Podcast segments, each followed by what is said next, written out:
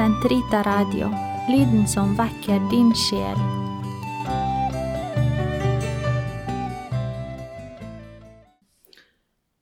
Den katolske kirkes katekisme, uke 42, mandag 787 til 795. Kirken, Kristi legeme. Kirken er samfunn med Kristus. Helt fra begynnelsen av knyttet Jesu, Jesus disiplene til sitt liv. Han åpenbarte for dem rikets mysterier. Han ga dem del i sin sendelse, i sin glede og i sine lidelser. Jesus taler om et enda nærmere fellesskap mellom seg selv og dem som skulle komme til å følge ham. Bli i meg som jeg i dere. Jeg er vintreet, dere er grenene. Johannes 15, 4-5. Han forkynner et gåtefullt og virkelig samfunn mellom sitt legeme og vårt. Den som spiser mitt legeme og drikker mitt blod, han blir i meg, og jeg i ham. Johannes 6, 56. Etter at Jesus' synlige nærvær opphører, hørte, lot han ikke sine disipler foreldreløse tilbake. Han lovet å være med dem inntil tidenes ende. Han sendte dem sin ånd. På sett og vis ble samfunnet med Jesus enda inderligere. Da han meddelte sin ånd til sine brødre, samlet fra alle folkeslag, gjorde han dem på underfullt vis til sitt legeme. Sammenligningen av kirken med et legeme kaster lys over det nære bånd mellom kirken og Kristus. Kirken er ikke bare samlet rundt ham, den er forenet i ham, i hans legeme. Tre sider av kirken som Kristi legeme skal særlig drøftes. Foreningen av alle lemmene seg imellom ved deres enhet i Kristus. Kristus som hode for legemet, Kirken som Kristi brud. Ett legeme. De troende som svarer på Guds ord og blir lemmer på Kristi legeme, forenes inderlig med Kristus. Innenfor dette legemet når Kristi liv frem til de troende, som gjennom sakramentene forenes med Kristus, den korsfestede og oppstandende, på en både hemmelighetsfull og reell måte.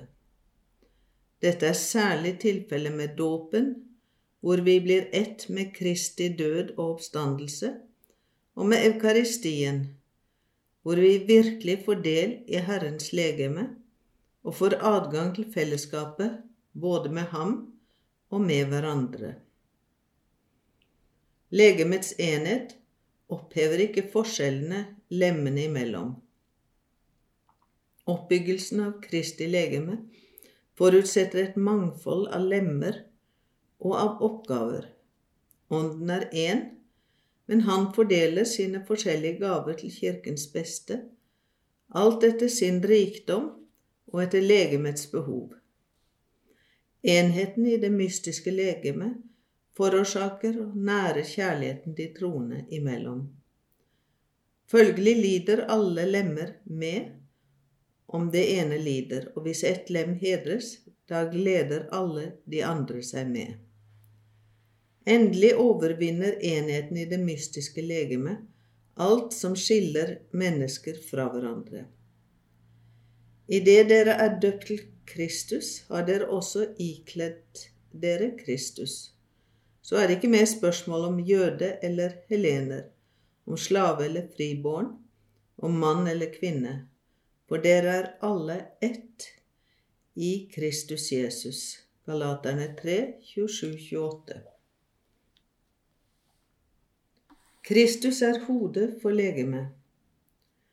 Kristus er hodet for legemet for Kirken. Kolosserne 1, 18. Han er skapelsens og gjenløsningens opphav.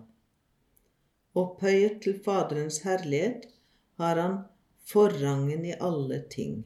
Kolosserne 1,18. Fremfor alt over Kirken, som han styrer alt gjennom. Han forener oss med sin påske. Alle, lege, alle lemmene må søke å være ham lik, inntil Kristus tar form i dere. Galaterne 4,19. Det er derfor vi blir opptatt i hans livs mysterier. Vi tar del i hans lidelser som et, et lem overfor sitt hode. Vi lider sammen med ham for at vi også kan bli herliggjort sammen med ham.